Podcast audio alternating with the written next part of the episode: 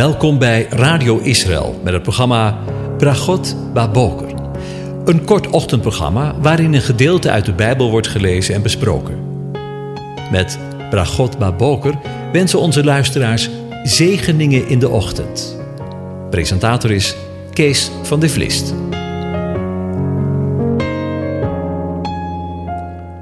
Goedemorgen, Bokatov, beste luisteraars. Vanmorgen denken we weer verder na over Psalm 104 en ik lees de eerste 15 versen aan je voor.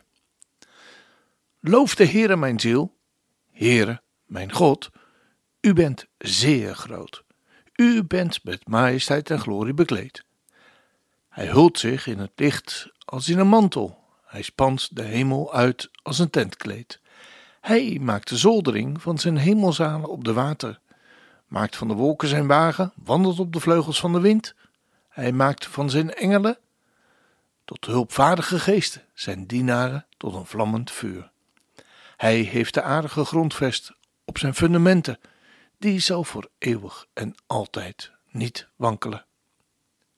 U had hem met de watervloed als met een gewaad bedekt. Het water stond tot boven de bergen. Door uw bestraffing vluchtten ze. Ze haasten weg voor het geluid van uw donder. De bergen rezen op, de dalen daalden neer, op de plaats die u ervoor bestemd had.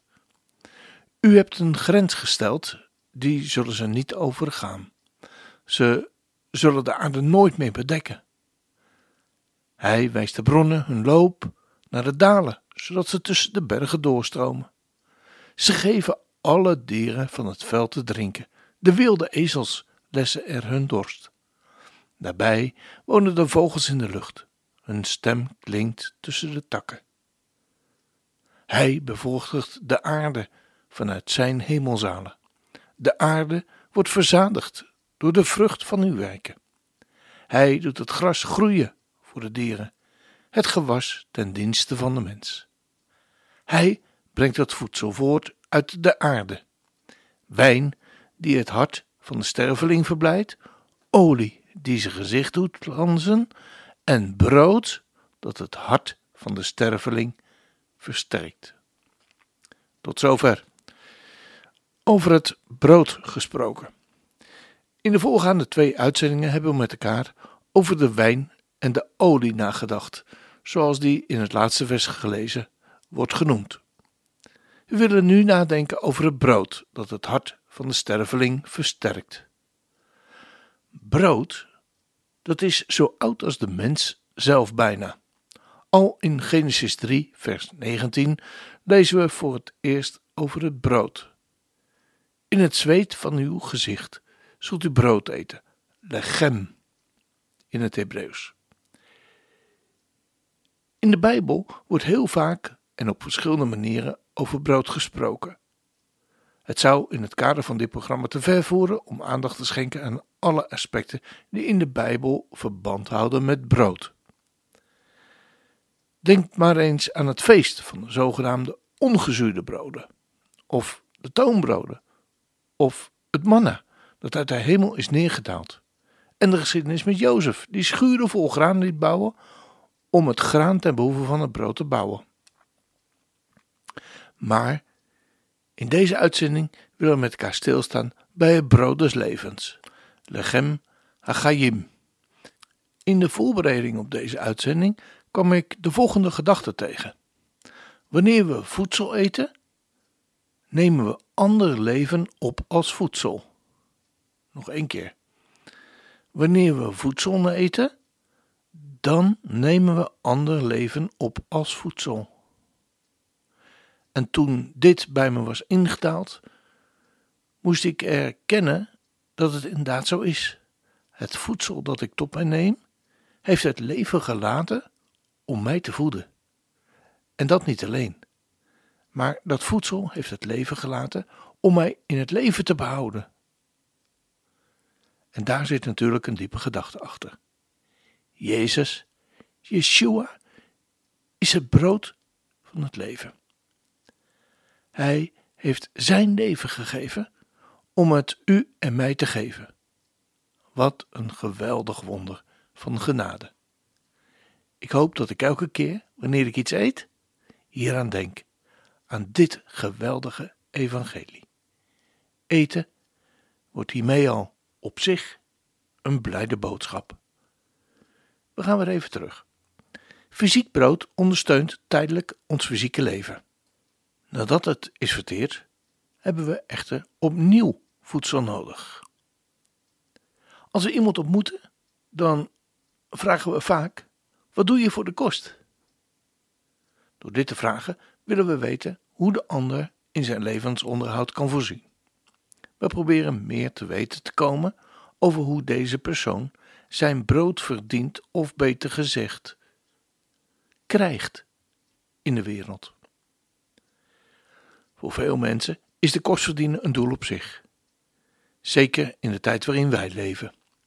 Het onderhouden van het fysieke leven wordt door velen als het hoogst haalbare in dit leven bestempeld. Ze leven om te eten en te consumeren. Iemand merkte ooit eens op dat veel mensen min of meer geestelijk slapend door het leven gaan, totdat ze op een dag wakker worden en beseffen dat ze dood zijn. En een oude leraar van mij deed eens de uitspraak: Deze mensen bestaan wel, maar ze leven niet. Zoals Jezus leerde, is het gewone leven vaak een metafoor van het geestelijke. In plaats van te vragen wat iemand doet, kunnen we misschien beter de vraag stellen, allereerst aan onszelf, niet te vergeten, waarom we het doen.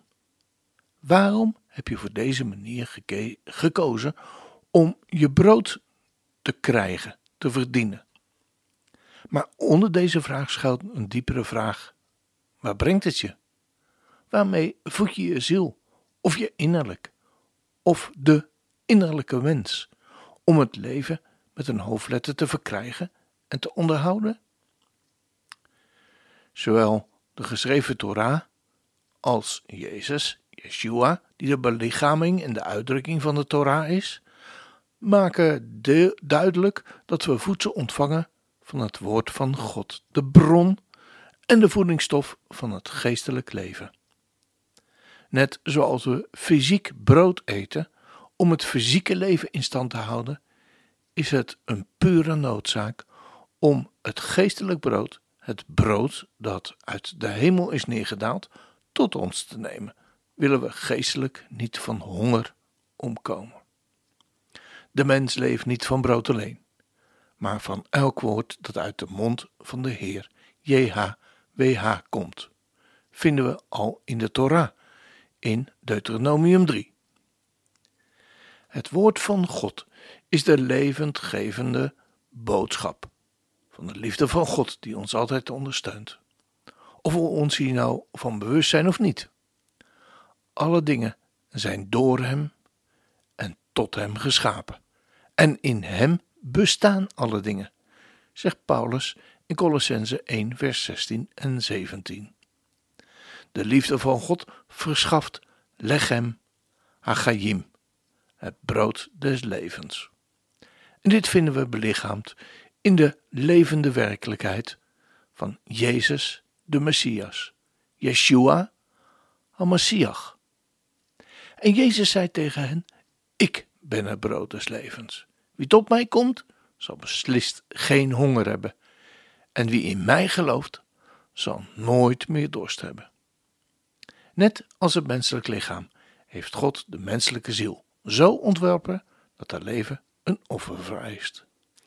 Geestelijk leven, de bron en het einde ervan, hangt af van het ontvangen, dat wil zeggen eten, van het woord van de levende God, die het doel van de eeuwigheid is.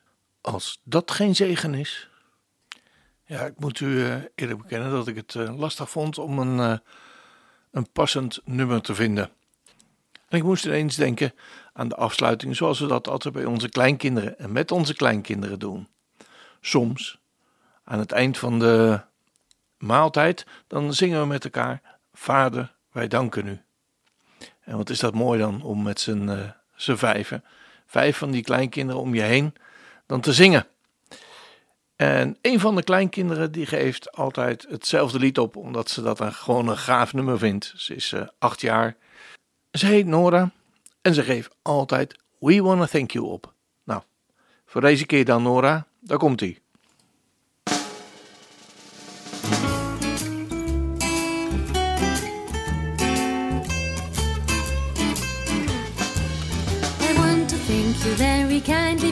This good, good food. I want to thank you very kindly for this good, good food. I want to thank you very kindly for this good, good food. I want to thank you very kindly for this good, good food. I want to thank you very kindly for this good, good, good, good, good, good food. I want to thank you very kindly for this good, good food. I want to thank you very kindly for this good, good food. Want to thank you very kindly for this good, good food. I want to thank you very kindly for this good, good food.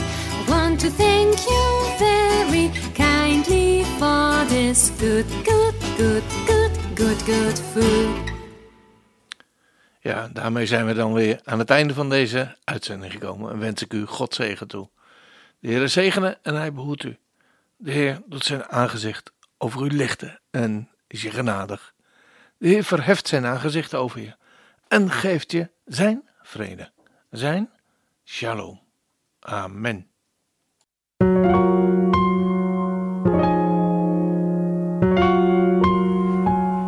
U hebt geluisterd naar het programma Bragot Baboker.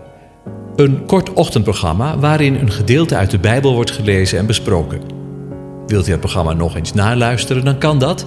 Ga naar radioisrael.nl en klik onder het kopje radio op Uitzending gemist.